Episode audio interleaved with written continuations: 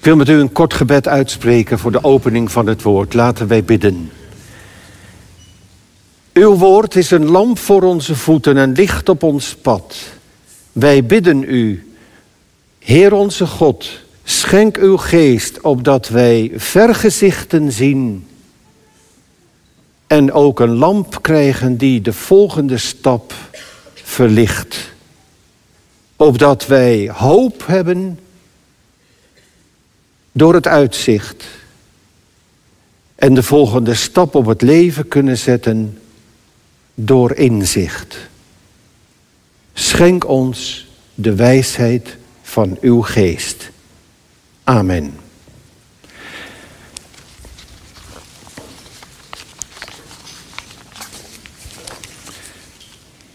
Opa, heeft God het virus ook gemaakt, het coronavirus? Zo vroeg onze kleindochter van zeven tijdens een logeerpartijtje in de voorjaarsvakantie enige maanden geleden aan mij. Het is zaterdagochtend half acht. We zitten aan het ontbijt midden in de coronatijd. Opa, heeft God het coronavirus ook gemaakt? Ik moet zeggen dat de vraag me wat overviel. Tegelijk weet je op zo'n moment dat in zo'n vraag eigenlijk alles aan de orde is. Alles samenkomt.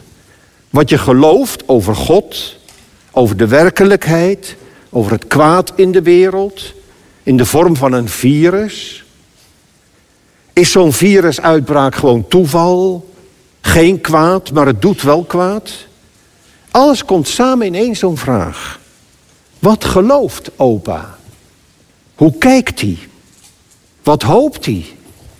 Wat mag je verwachten, bidden? Verwachtingsvol kijkt onze kleindochter mij aan. Hoe zit dat met die schepping? Veel herkenning bij mij bij die vraag van onze kleindochter. Bij jou wellicht ook.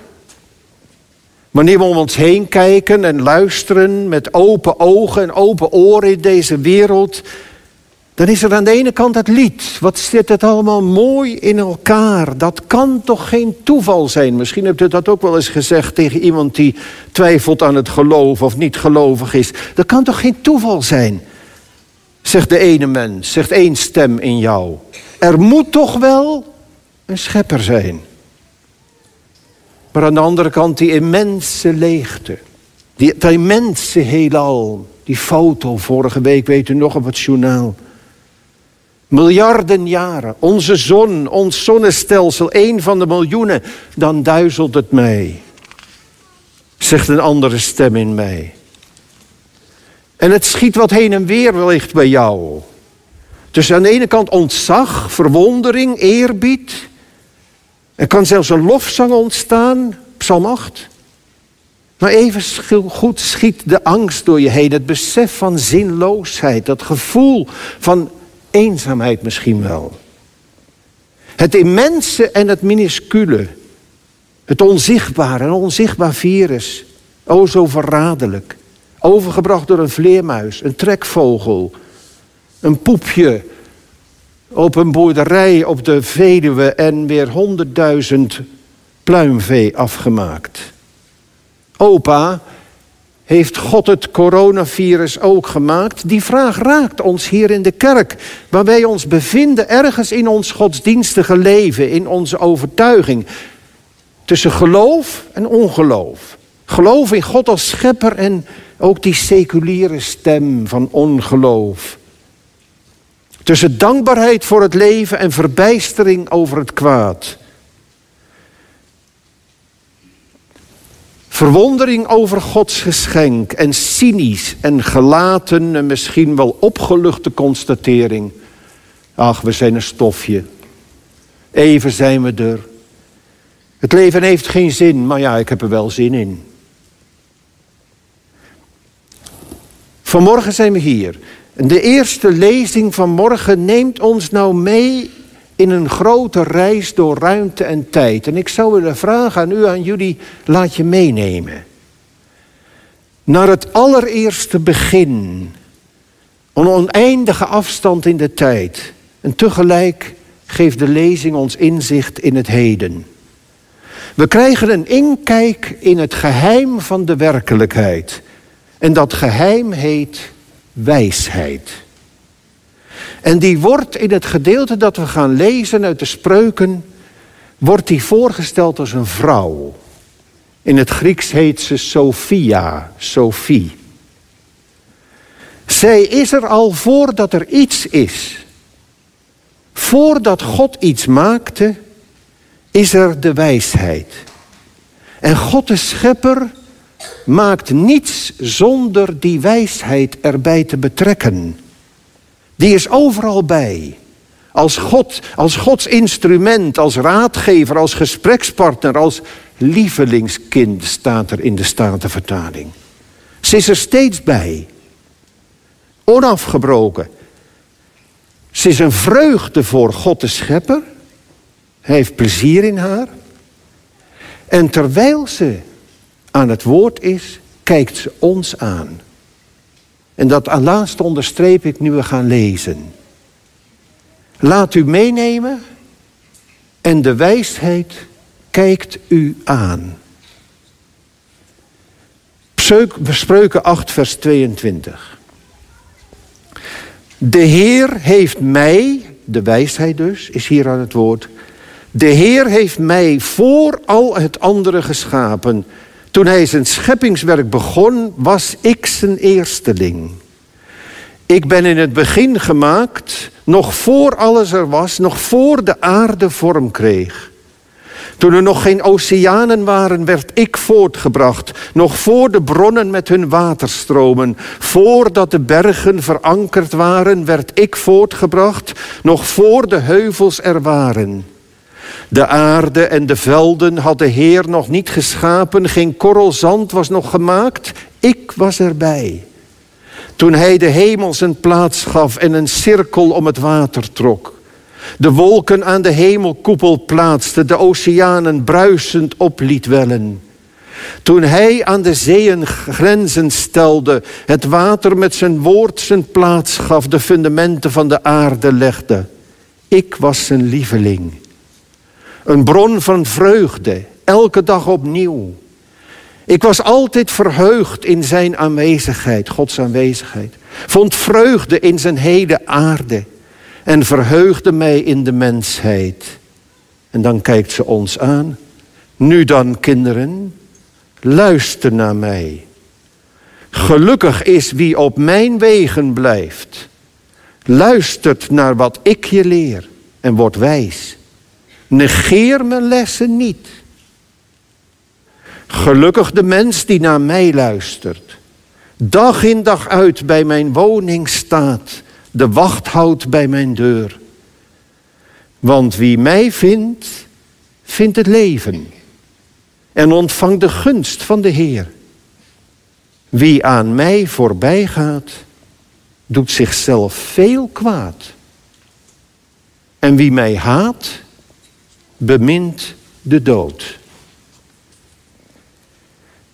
Tot zover dit gedeelte uit de spreuken.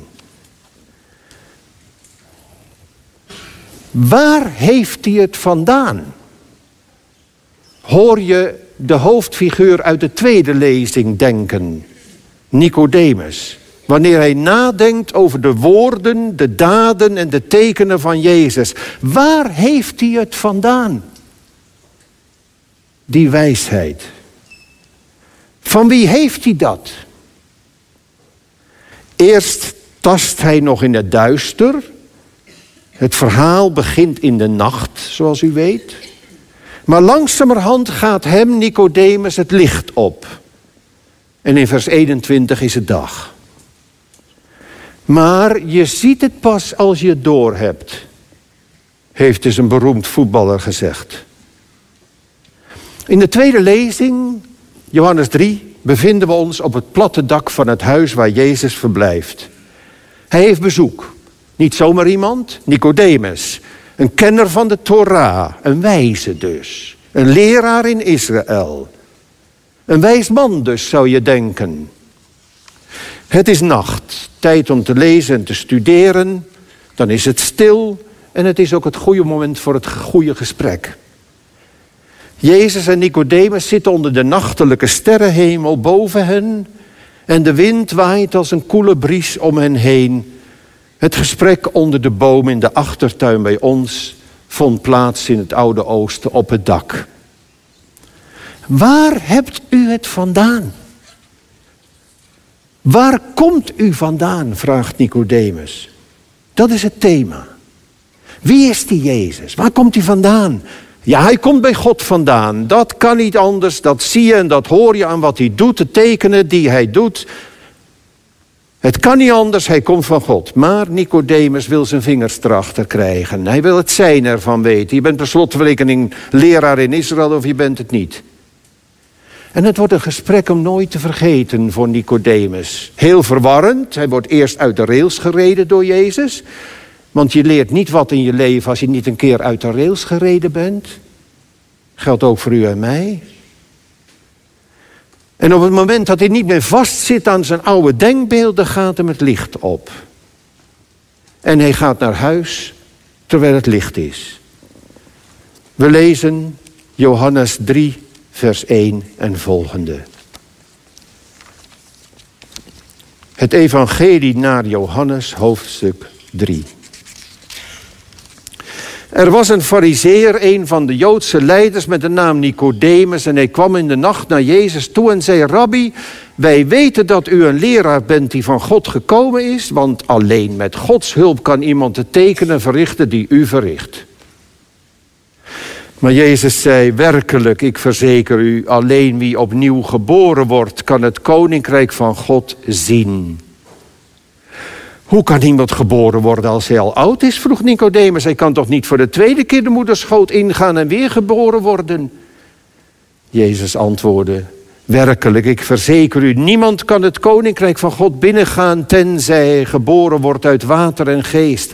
Wat geboren is uit het mens is menselijk en wat geboren is uit de geest is geestelijk. Wees niet verbaasd dat ik zei dat jullie opnieuw geboren moeten worden. De wind waait waarheen hij wil, voel je wel? Je hoort zijn geluid, maar je weet niet van waar hij komt en waar hij heen gaat. Zo is het ook met iedereen die uit de geest geboren is. Maar hoe kan dat? vroeg Nicodemus. Begrijpt u dit niet, zei Jezus, terwijl u een leraar van Israël bent? Werkelijk, ik verzeker u, wij spreken over wat we weten. Wij getuigen van wat we gezien hebben, maar jullie nemen onze getuigenis niet aan. Wanneer jullie mij niet geloven als ik over de aardse dingen spreek, hoe zouden jullie me dan geloven als ik over de hemelse dingen spreek?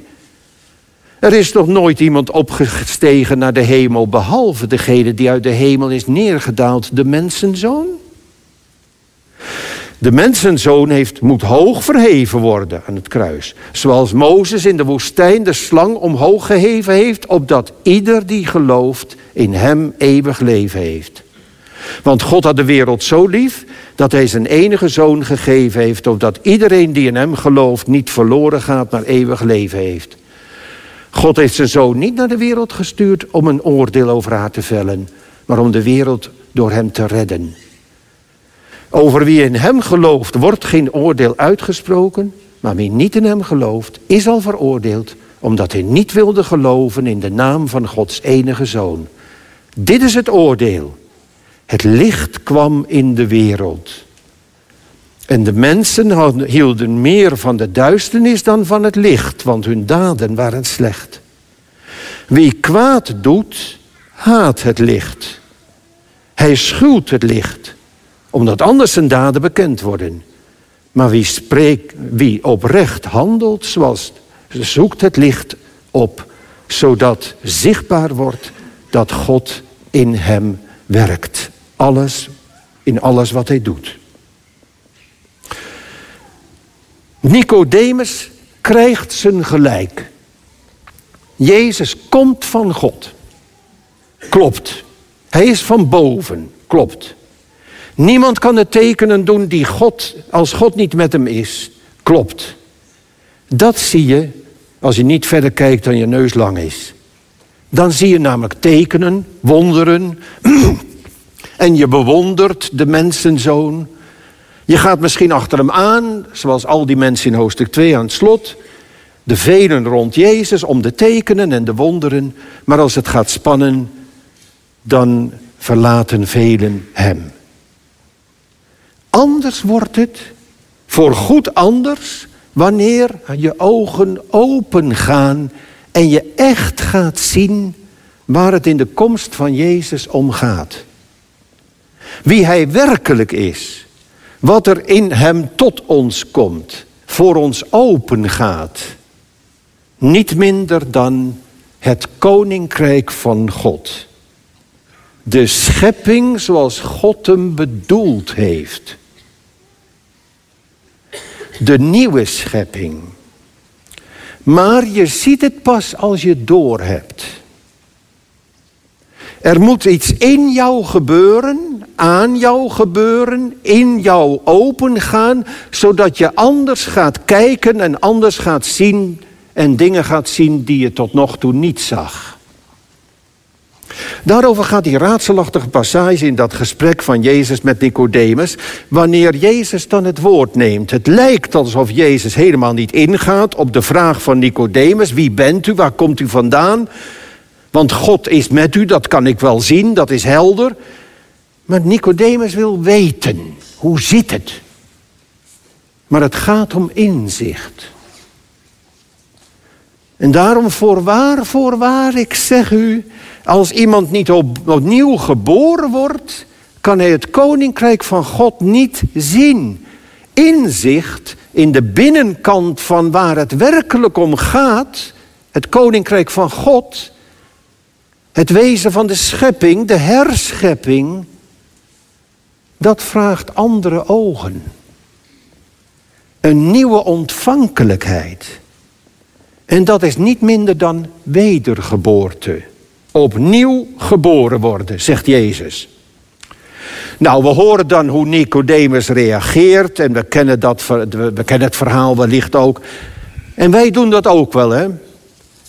Als we reageren op iets wat ons niet vertrouwd is, als we uit de rails gereden worden door een opmerking of een statement van een ander, dan worden we uit onze comfortzone gehaald, zoals we altijd dachten dat het zat. En dan denken we, hoe kan dat, roepen we dan. Iemand kan toch niet als een volwassene opnieuw de baarmoeder ingaan?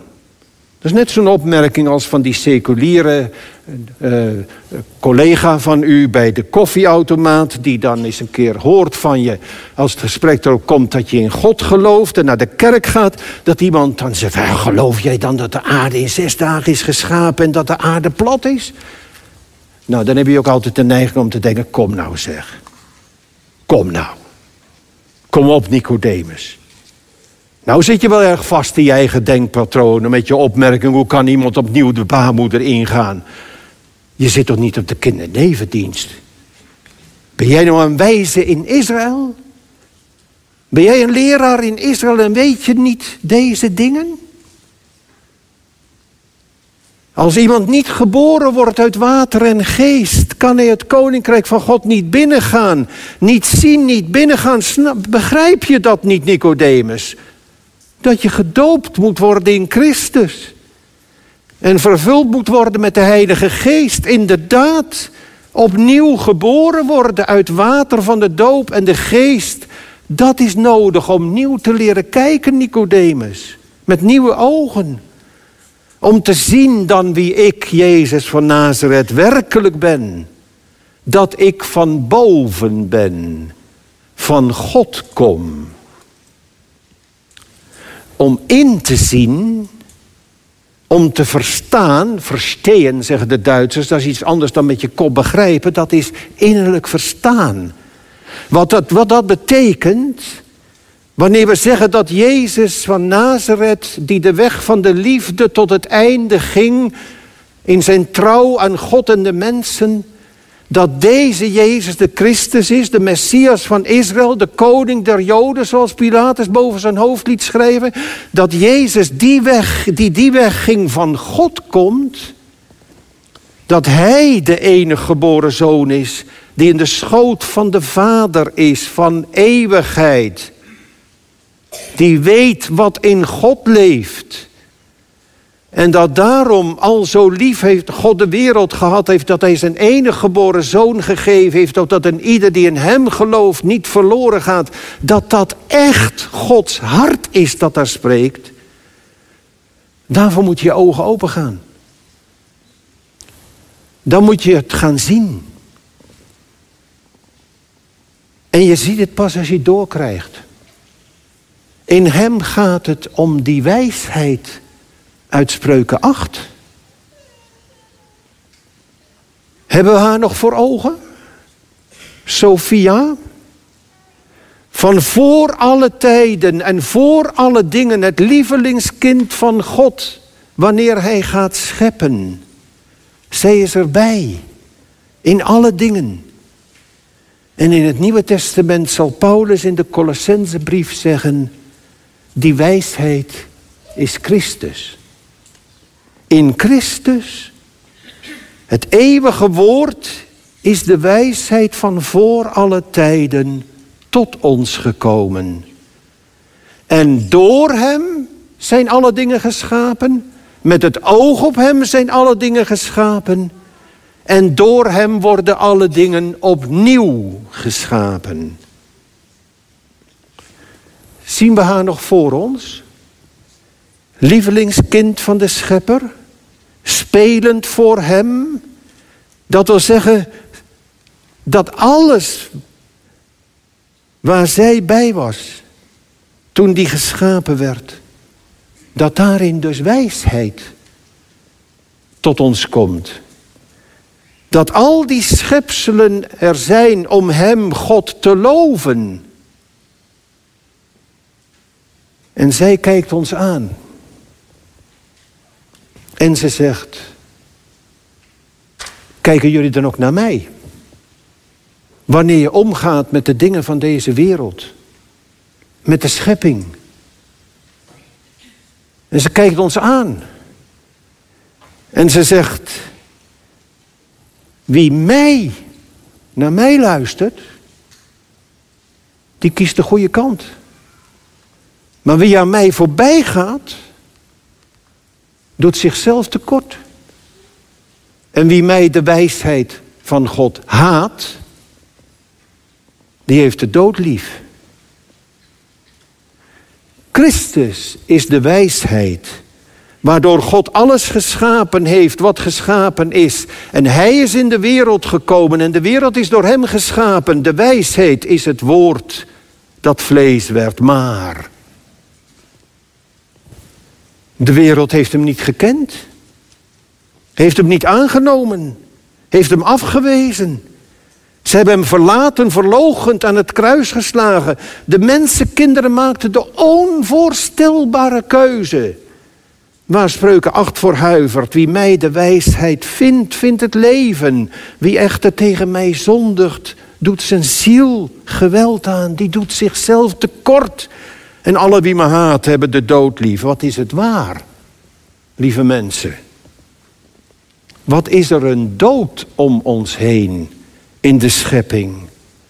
Het landschap lijdt.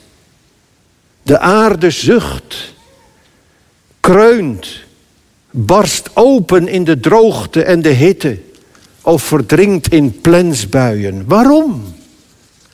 Omdat zij, de mensenkinderen, niet geluisterd hebben.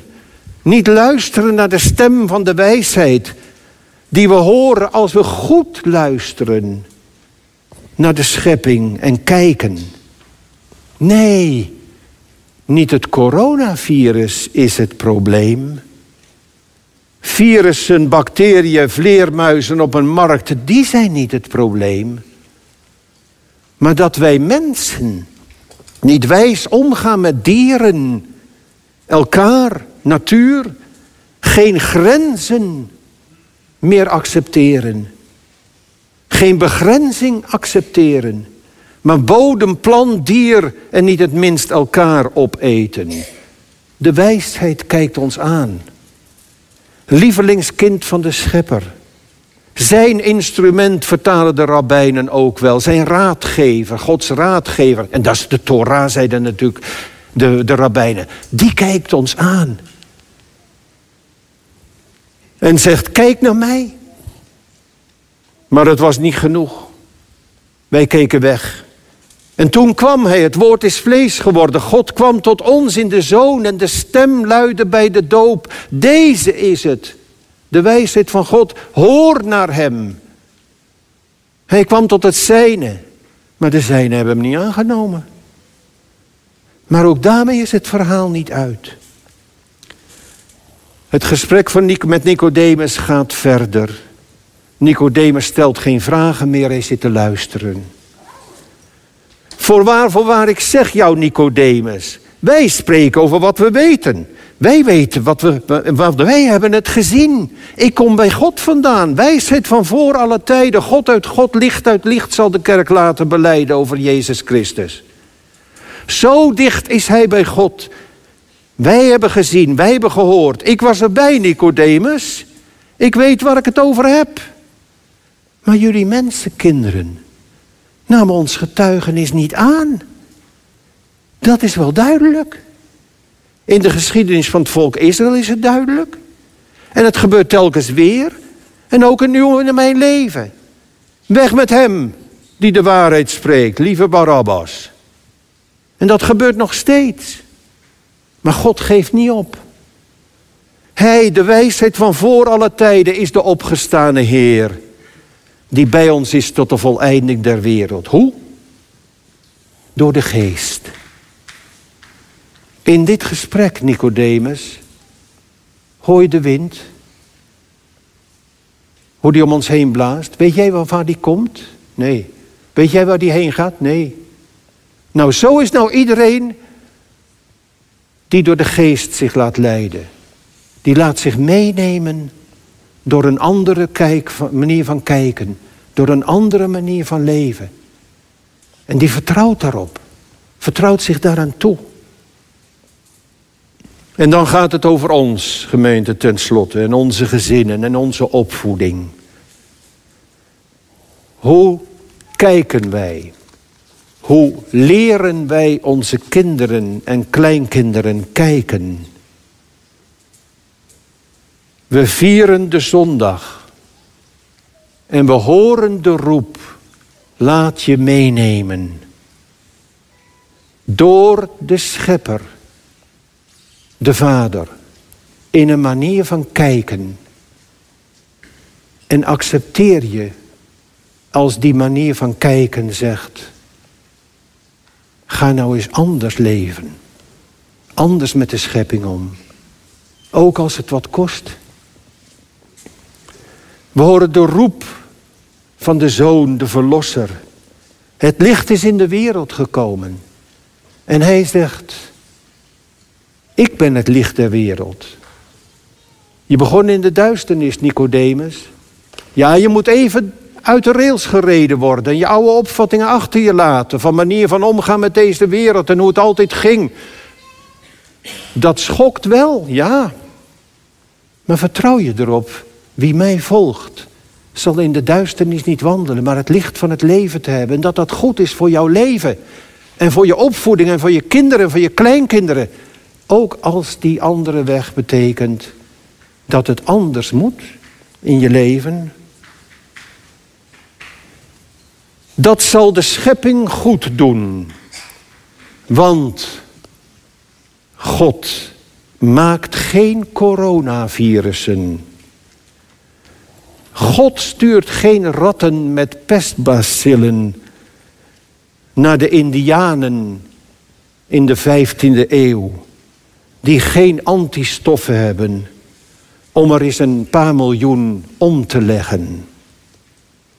God geeft ons zijn geboden, zijn beloften, opdat we wijs worden, grenzen in acht nemen, het wagen met de wijsheid in Christus en zo naar de schepping kijken en zo je eigen leven als veelal van ons welvarende Westelingen durven herijken. Lof zij de Vader, de Zoon en de Heilige Geest. Amen. Laten wij bidden. Heer onze God, laat deze roep uit Spreuken 8 met ons meegaan. Schenk een gemeente uw geest, opdat zij ware wijsheid leert. Breek de macht van hen die de wijsheid haten en de dood liefhebben en daartoe hun macht misbruiken. En doe bekeren allen die tegen de wijsheid zondigen en zichzelf tekort doen. Bekeer ons, o God, door Jezus Christus. Amen.